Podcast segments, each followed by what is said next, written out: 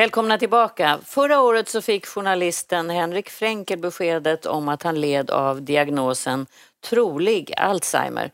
Men ett år senare så ändrar läkaren diagnosen och det är helt enkelt så att han blev feldiagnostiserad.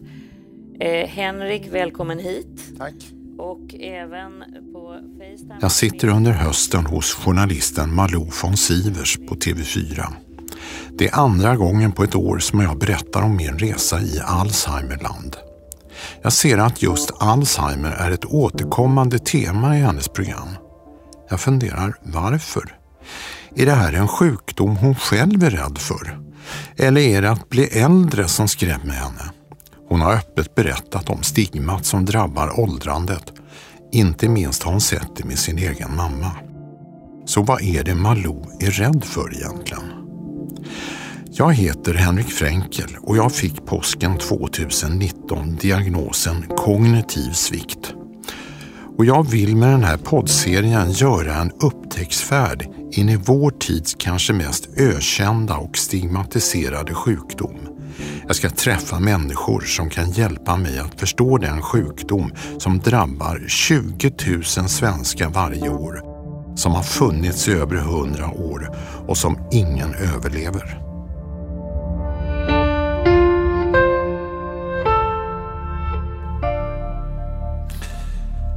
Och här i studion så har jag eh, Malou von Sivers.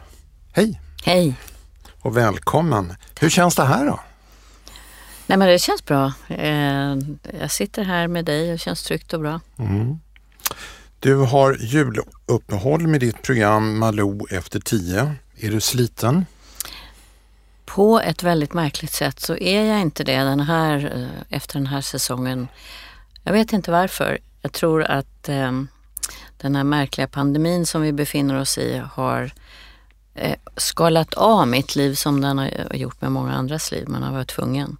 Så att jag har bara inom citattecken eh, jobbat med programmet och eh, skrivit lite grann på helgerna. Men, men det har gjort att eh, allt det där andra som jag märker att jag ägnat mig åt, det har jag inte gjort. Så att jag är ganska, jag känner mig väldigt okej okay faktiskt för att vara efter en lång säsong. Vad skönt. Vi känner ju varandra eh, och eh, jag tänkte på det innan du kom hit att eh, det är svårt att intervjua journalister. Jag hörde dig i en annan podd och du, du tog över den podden. Tänker du göra det idag också? Vill du det eller? Nej. Nej, jag vet vilken du syftar på för vi pratade om den nyss. Ja. Som handlar om lite samma ämne som Annika mm. Enkell gjorde. Jag tror det var för att på något sätt så, jag visste vad hon gick igenom då. Mm. Som jag redan hade gjort med min mamma. Och, eh, så det blev nog mer ett samtal men eh, när jag lyssnar på dina frågor. Mm. Jag har varit hos dig i Malou efter tio några gånger. Du är några år yngre än jag. Du kommer antagligen säga att du är en massa år yngre än vad jag är. Och eftersom jag tänker mycket på åldrande så tänkte jag dra in dig i det här ämnet. Först, du fanns med på den lista av människor i min bekantskapskrets som fick mitt mejl hösten 2019 där jag berättade om min diagnos som då var trolig Alzheimer. Vad tänkte du när du såg det där? Jag blev eh, chockad tror jag. Um, det kom väldigt nära. En sak, jag tror att Alzheimer kopplar jag ihop med ännu äldre människor än vad du är och vad jag också är. Um, trots att jag har intervjuat uh, människor som har Alzheimer som fick det vid ganska unga år för att vara den sjukdomen. Nej men jag blev chockad och jag, uh, många tankar gick igenom mitt huvud, inte minst Eh, hur du, ångest tror jag tänkte på. Eftersom det är någonting som är så okänt kan jag tänka mig när man drabbas. Mm. Vad är jag på väg? Vart är jag på väg? Vad kommer jag att uppleva? Sådana här saker. Jag börjar, jag börjar tänka väldigt mycket på det. Mm. Eh, många blev skrämda. Eh, antagligen för att de var rädda för att de själv skulle drabbas. De tänkte, drabbar det Henrik så kan du drabba mig. Eh, vad har du själv för tankar kring risken att själv få Alzheimer? Ja, men jag är ju lite av en hypokondriker så jag kan nog tänka mig att jag kan få allting. Mhm. Eh, och eh, mot det så blir livet ännu mer angeläget att leva Mm. på något märkligt sätt. Så att eh, jag är en, nog en person som vaknar varje morgon och tänker, jag fick en dag till. Eh, om jag skulle drabbas av Alzheimer eh, och demensliknande sjukdomar, det är ju det som, eftersom jag är mitt huvud väldigt mycket, Mm. mer än min kropp förmodligen, eftersom det är mitt yrke, så eh, tycker jag att det vore förfärligt. Men jag tänker inte på det faktiskt så. Jag tänker mer att jag är tacksam att jag får leva faktiskt. Men vad menar du med att du är i ditt huvud? Vad, vad, vad är så skrämmande med just den här sjukdomen? Att jag, med den bild jag har av det, eh, av Alzheimer, är ju att man tappar de förmågor som man har, som i mitt fall, som jag har levt på, som har varit mitt yrke, som har varit Alltså på något märkligt sätt, eh, kan, mina tankar, min själ, allt det där som jag då undrar, det vet ju du naturligtvis bättre eftersom du har satt in det här så mycket nu. Om man tappar det, och vem blir man då? Ehm, men det är inte så att jag går omkring och, och det var inte min första tanke heller. När jag hörde att du hade fått det eller såg och träffade dig på gatan. Det var inte det utan det var mer att jag tänkte på dig och jag tänkte på dina anhöriga eftersom det, det vet jag genom att jag har jobbat journalistiskt med det här att det är sån anhörig sjukdom. Du bjöd in mig till ditt program. Eh, jag tror att det var hösten 2019. Jag kommer ihåg att jag skrev till dig att jag inte ville sitta hos dig som ett ledset offer. Eh, jag tyckte det var jätteviktigt. Men vad ville du egentligen med min medverkan i ditt program?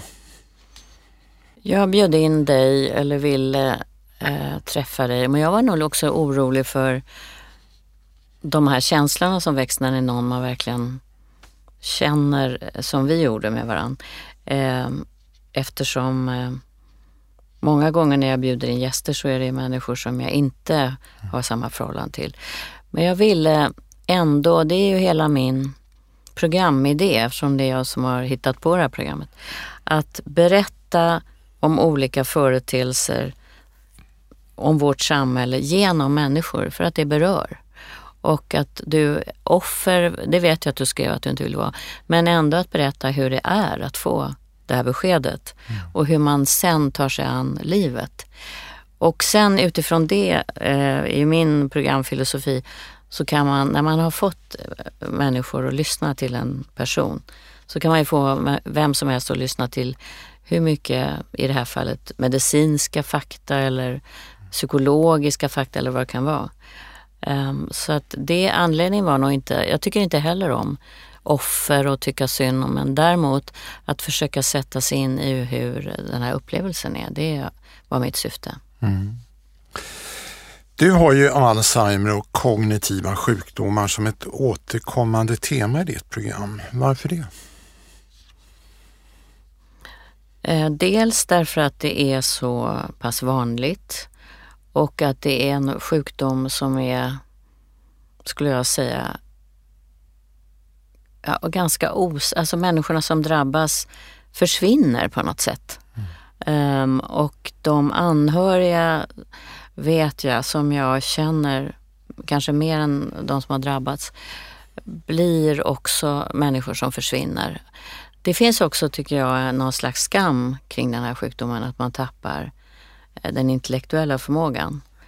Och det, eh, de ämnena ger jag mig gärna på för att jag tror att det, det bästa man kan göra för att, som det heter, bita huvudet av skammen är att lyfta fram det ljuset. Sen, eh, jag har intervjuat allt ifrån drottningen till människor som, eh, ja, an, andra människor som har drabbats på olika sätt. Både de som har fått diagnosen i ett tidigt skede så att de har kunnat vara med och ja, framförallt anhöriga.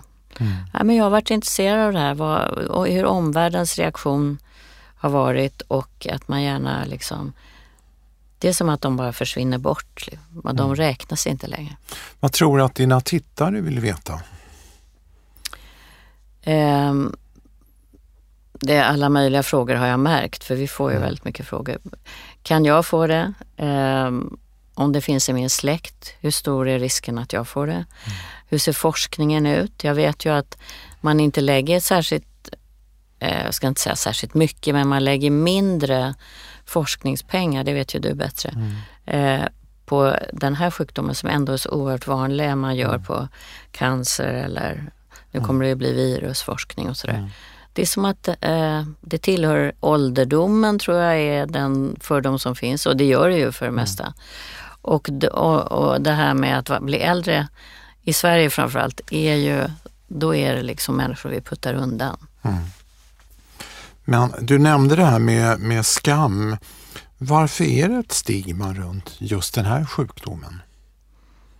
Du antydde tidigare ja, det här med intellektet. Att, ja, men det tror jag beror på att man, eh, den här personen blir inte någon man kan förstå, prata med, eh, som blir det går inte att umgås med en person som har Alzheimer på det sätt som jag gjorde tidigare. Jag tror det finns en massa saker som en sammanblandning av rädsla och skam. Rädsla för att jag skulle drabbas och bli på det sättet eh, avvisad nästan mm. från samhällets... Men, men eh, och man ser ju och hör väldigt sällan människor med Alzheimer berätta mm. hur det är. Antingen kanske det har gått så långt som man inte kan det Mm. Men de som får det här beskedet, jag kan... Du frågade mig om jag var rädd för att drabbas. Jag, jag, alltså tanken på att jag skulle göra det skrämmer mig. Men jag går inte omkring och tänker så. Nej. Men att ha fel på hjärtat, det är ju inget märkvärdigt. Men att ha fel i hjärnan, det blir plötsligen så skrämmande. Ja. Ja. Och det är, är möjligt det. att man eh, blandar ihop det med mentala sjukdomar, mm. psykiatriska sjukdomar. Att, att man, det finns en rädsla i det här. Mm. Att den här personen blir någon som inte jag kan tolka, tyda. Eh. Men, om, men om det finns en rädsla, varför är okunskapen så stor eh, när det gäller just den här sjukdomen? Alltså när jag har pratat om det här så är folk kan väldigt lite. Jag brukar kalla den här sjukdomen för världens mest kända okända sjukdom. Mm. Alla vet, känner till den, få vet någonting om den. Mm. Det kanske också hör till om att det har ju kommit fram nu tycker jag i pandemin att, eh, att ålder har blivit så tydligt. Mm. Och att vi lägger ju inte pengar heller på eh, åldrandets gåta helt enkelt. Mm. Där, och jag tror att den här sjukdomen kopplas väldigt mycket ihop med det. Eh, vi bryr oss inte på samma sätt om det. Alla vill ju att cancerns gåta ska lösas, om det nu håller det påståendet fortfarande. Men det gör vi också. Vi botar mm. cancer idag på många sätt. Mm. Men det här är fortfarande någon slags i någon dimma hela, både kunskapen kring det tror jag, mm. eller bristen på kunskap är ju jättestor. Det märkte vi också. Mm. Och man tänker väldigt sällan på de som lever runt omkring, man, anhöriga. Mm. Eh, du nämnde det, det, eh, det finns ju ingen bot när det gäller, eh, eller ens ett läkemedel mot Alzheimer. Det, det finns symptomlindrande. Vad tänker du om det? Eh, är det det som skrämmer också? Ja, det tror jag. Jag märker att jag möter Eh, samma sak kring ME till exempel. Eh, det finns ingen bot. Det finns till och med människor som tror att det är någon slags hittepå-diagnos. ME, du får förklara. Människor som lever eh, i ett tillstånd som eh, de själva brukar beskriva som en ständigt pågående svår influensa. Mm. Och till slut ligger man bara i ett mörkt rum och kan knappt titta mm. och höra ljud. Och blir bara sämre och sämre. Och eh, jag har ju ägnat mig mycket åt det här också. Det är också en osynlig grupp, de orkar ju liksom inte. Mm. Och då tänker jag att det här är lite grann samma sak. Det finns ingen bot och då finns det inte heller... Det är märkligt, men då är det som att man inte tar upp det heller. Nej. Och eh, fibromyalgi som ju mm. är en samma sak som ju mass, framförallt kvinnor lider av. Mm. Jag märker att det finns en slags ointresse att tala om sjukdomar som inte går att bota. Mm. Och det kanske handlar om dödsskräck. Det blir ju ett dubbelt stigma. Mm. Därför att eh, då vill ingen prata om det.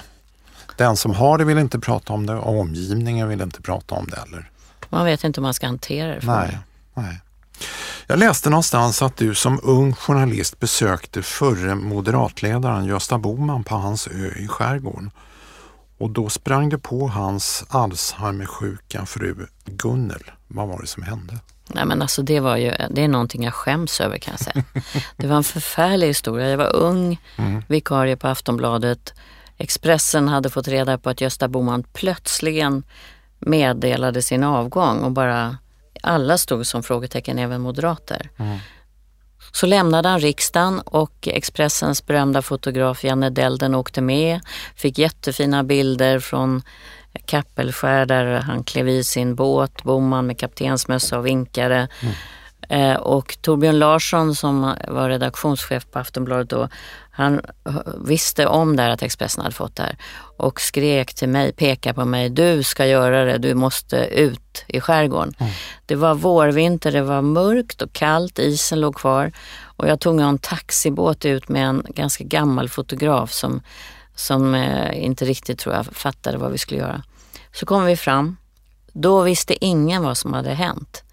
Och jag eh, smög upp i buskarna där på Sundskär mm. och knackade på och eh, då öppnade hans hustru. Mm. Och såg lite sådär efteråt, kanske en efterkonstruktion, jag tycker hon såg lite förvirrad ut. Hon var väldigt vänlig och bad sitt mm. på.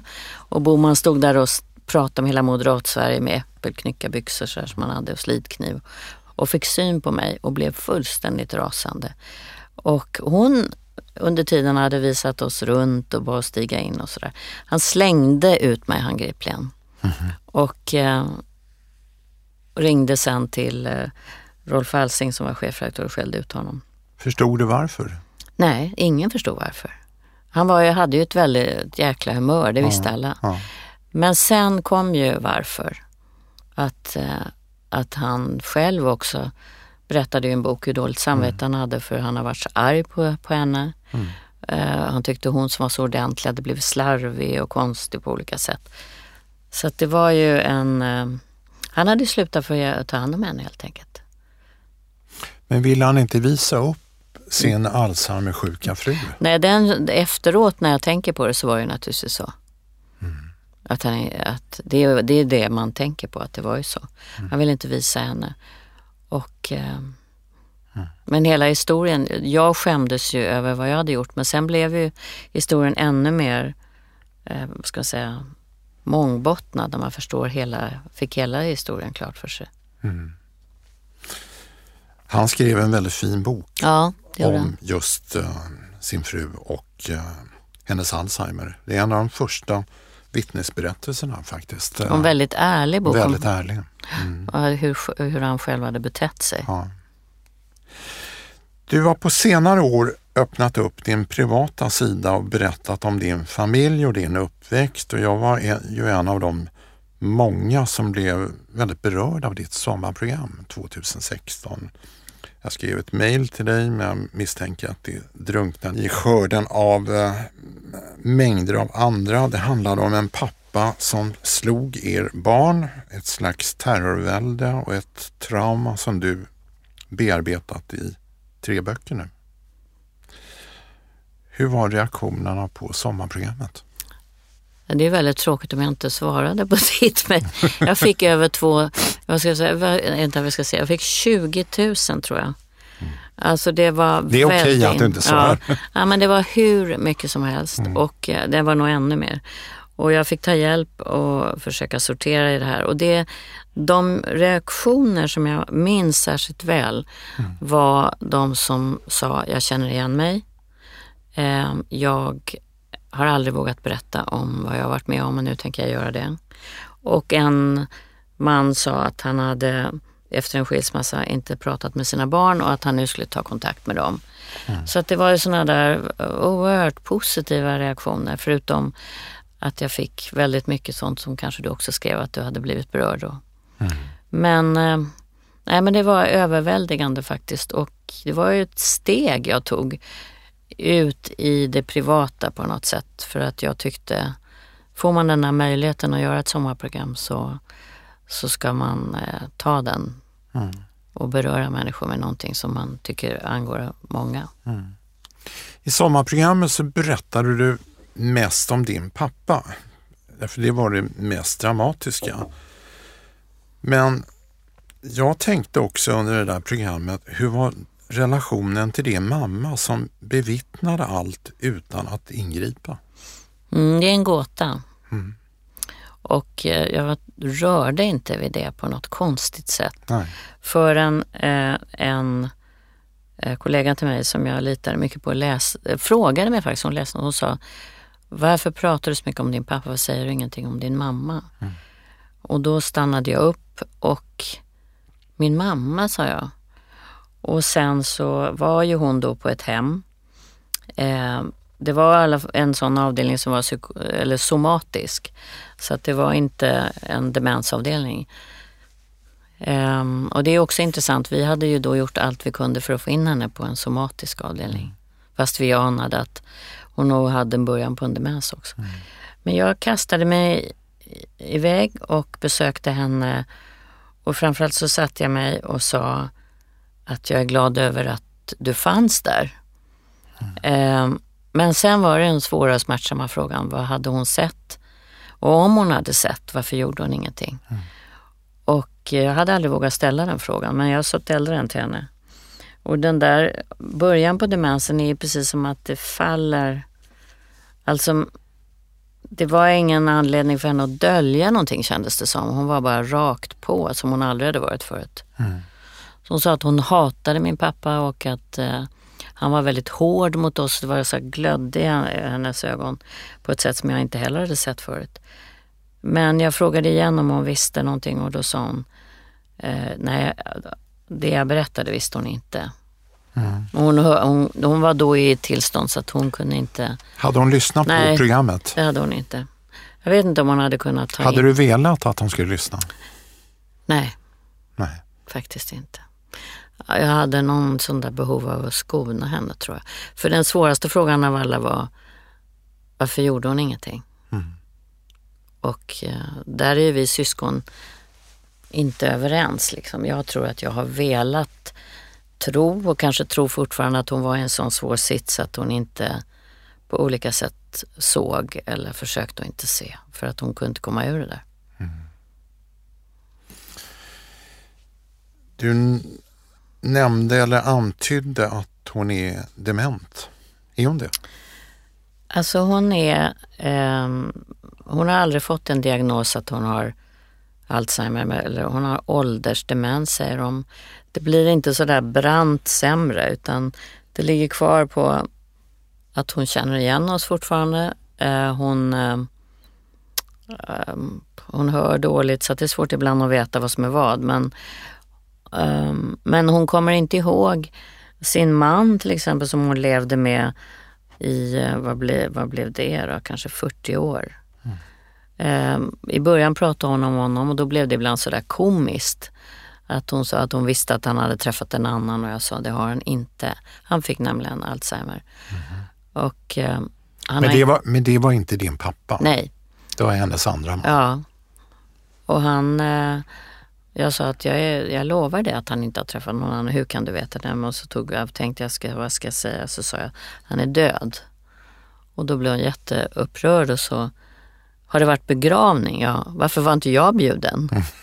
Och så, så det fanns ju liksom ögonblick där man också kunde skratta åt den, det här absurda hur det blev alltihopa. Mm. Men när, hur, din mamma är 91 va? Jag var född 29, hon är 92. 92. När du har följt din mammas ålderdom och åldrande, vad, vad tänker du om det? Det finns en sorg i mig att, och det kanske det finns i många som, där att man inte ställde de frågor man borde ha ställt. Mm. Att jag idag inte kan få reda på saker som jag skulle vilja ta reda på. Um, det är svårt att se ett åldrande där man blir så hjälplös. Det tycker jag faktiskt är mm. jättesvårt. Jag tänker, där tänker jag väldigt mycket på att min mamma var ju ung när jag föddes så det är inte så många år till jag är i den situationen. Mm. Så försöker jag se på henne och tänka att det är min blick, alltså att hon är svag och att hon är... Jag kan ibland bara känna när jag går dit och hälsar på att jag vill bara därifrån. Mm. Det berör mig väldigt illa alltihopa. Mm. Men sen pratar jag med de som jobbar där, en fantastisk personal. Och då säger de att hon är så glad och liksom så rolig, hon är så tacksam. Och så. så har ju min mamma alltid varit. Eh, enkel i sitt sätt att tycka om livet på något sätt. Mm. Eh, jag har aldrig kunnat identifiera mig med henne, det har varit en sorg det också. Mm. Men nu har jag liksom släppt de där kanske kraven jag hade på henne utan jag bara tycker att hon Ja, men jag kan se henne som den hon är med, med, med ömhet faktiskt. Men jag kan inte se fram emot att sitta där med de andra vid det här måltidsborden, äh, middagen och lunchen jag har sett. Alla sitter och hänger med huvudena och... För egen del? Tänker, tänker du på ja, det? Ja, min egen del. Ja. Jag tycker det, det mm. ser så fruktansvärt ut. Du och jag är ju ständigt unga, eller hur? Jo, men det är så man alltid på något konstigt sätt klamrar sig fast vid det. Och märkligt nog så är jag 71 år. Ja. Och märkligt nog så är du snart 68. Eh, mm. Eller hur? Mm. Vad tänker du om det? Nej, men jag har tänkt eh, på det eh, faktiskt nu mycket igen med pandemin där jag har varit sådär, jag har tränat mycket och så har jag en sån här biologisk ålder på 47. Mm -hmm. Och nu så är det inte så längre för att eh, de som kom in på IVA, där var lungorna 67, snart 68 om det hade varit jag. Mm. Och, eh, och det slog mig plötsligt att det spelar ingen roll hur mycket man, det är klart det spelar roll om man sköter sin hälsa, mm. men egentligen åren går ju ändå. Mm. Man kommer ju närmare eh, ett slut av livet på olika och när det blir vet man inte. Så att jag kan känna den här, jag har också verkligen jag tycker inte om eh, ålder heller och jag kan försvara det. Vad menar du med det? Ja, men jag kan försvara det med att, att dela in människor som vi så otroligt noga med i Sverige att göra mm. i ålder. Jag, jag värjer mig mot det. Jag har byggt ett helt program där jag skiter i, om jag får uttrycka mig så, mm. målgrupper. Mm. Det har ju de gjort väldigt mycket på TV4. Och jag har benhårt hållit fast vid och tänkt att jag ska göra ämnen existentiella ämnen eller ämnen som engagerar människor oavsett ålder. Men samtidigt har ju du sagt att åldrandet har blivit stigmatiserat. Absolut, och det är mm. därför jag värjer mig tror jag. Mm. Jag kom in i en kanal... Och vad ligger i det menar du? Nej men jag kom in i en kanal där, eh, en tv-kanal där allt skulle vara ungt hela tiden tills det vände faktiskt lite mm. grann. Nu börjar erfarenhet och ålder, det är ju tecken är att jag sitter där fortfarande, mm. bli positivt laddat. Mm. Att det finns där. Um, jag plötsligt märker att unga människor tycker om att lyssna på saker som jag har lärt mig, min erfarenhet. Mm. Um, jag tycker att det har varit för länge så att vi har levt i olika världar på något sätt. Mm. Jag tycker det håller på att bli bättre. Uh, men jag har ett uh, förhållande till åldrande som, som jag kan ibland lite grann både skämmas för och skratta åt. Att jag värjer mig så mm. mot det. Så hur tänker du om ditt eget åldrande då? Ja men det är det jag värjer mig mot. Det. Och vad är det för något du värjer dig mot? Ja det är nog döden. Mm. Att det ska ta slut. Och att det finns en nedlåtande, och det kanske är också att jag själv har den, blick på människor som blir äldre. De räknas liksom inte. De har inget värde um, på samma sätt som i andra kulturer. Det tycker jag är väldigt tydligt. Är du rädd för att bli osynlig? Ja, inte längre så mycket som jag varit. Jag har varit det tidigare men jag tror att jag börjat Ja, men jag har börjat landa i någon slags trygghet nu men det har tagit väldigt lång tid. Mycket längre för mig än jag märker andra som pratar om sin ålder hela mm. tiden mm. som, och då är de äldre än jag. Mm. Men det gör inte jag på samma sätt. Jag liksom talar aldrig om min ålder faktiskt. Mm. Får jag återkomma till ditt program Malou efter tio? Mm. Du bjöd in mig en andra gång när min diagnos hade ändrats. Vad tänkte du om det då? Det var ju bara för någon månad jag sedan. Jag vet. Jag, fast, då när jag fick höra talas om det så fastnade jag för hur kan det bli så fel? Mm. Och sen tänkte jag, vilken lättnad det måste vara för dig och vad glad du måste ha blivit. Och sen hörde jag att du inte alls blev det. Mm. Och det Kunde var... du förstå det? Nej, inte först. Kunde jag inte. Så därför blev jag nyfiken på att höra dig berätta om Mm. det. Ehm, nej, jag tyckte det var svårt att förstå först. Sen, sen berättade du ju vad det var och, och det, det är ju intressant att det bevisar ju ännu en gång att man kan aldrig gå in i en annan människas Mm. eh, känslor och psyke i en sån här svåra traumatiska händelse. Jag bearbetar ju det löpande i min blogg så att eh, det är tur att jag, jag får avreagera mig där. Till sist Malou, det här med åldrandet, det är ju inget nytt tema i ditt liv. Du tyckte redan för typ 15 år sedan att du var för gammal och för passé. För jag vet det. Vi satt på mitt landställe på Ingarö. Kommer du ihåg det? Ja. Och, du, och du var arg och ledsen över att det var så svårt att bli gammal på tv. Ja, ja, nej, men det var en svår tid. Det var det? Ja, på, och svår tid på TV4, det var verkligen allt som var ungt var bättre, vackrare, ja, bättre på alla sätt. Och eh, jag slogs mot liksom, eh, ja, erfarenhet var mindre värt helt enkelt. Det ändrades sen. Men, men det var en tid där jag var jättearg. Jag kommer ihåg det. Jag kommer också ihåg det. Men du visade med din succé Malou efter tio att du inte var passé. Och tur var väl det. Eh, vi måste runda av. Det här gick väldigt snabbt. Ja. Vi har ju precis bara börjat. Börjat, jag trodde vi skulle komma in på döden också. Nej, vi ska inte gå för djupt i, i det. Vi tar, vi tar det någon annan Ja. gång. Malou, det var jättekul att ha dig här. Tack så mycket. Tack för att jag fick komma. Och tack alla ni som har lyssnat. Vill ni ha ett mejl när nästa podd kommer så anmäl er på poddspelare som Podcaster, Spotify, Acast och allt vad de heter. Och varför inte gå in på min hemsida Alzheimer Life och anmäl er för de löpande nyhetsbreven. Tack ska ni ha. Bloggen och podcasten Hjälp har jag Alzheimer har också en insamling till förmån för kognitiva sjukdomar. Ni kan hitta den på alzheimerfonden.se. Podden Hjälp har jag Alzheimer produceras av stiftelsen Alzheimer Life och görs på Beppo. Beppo.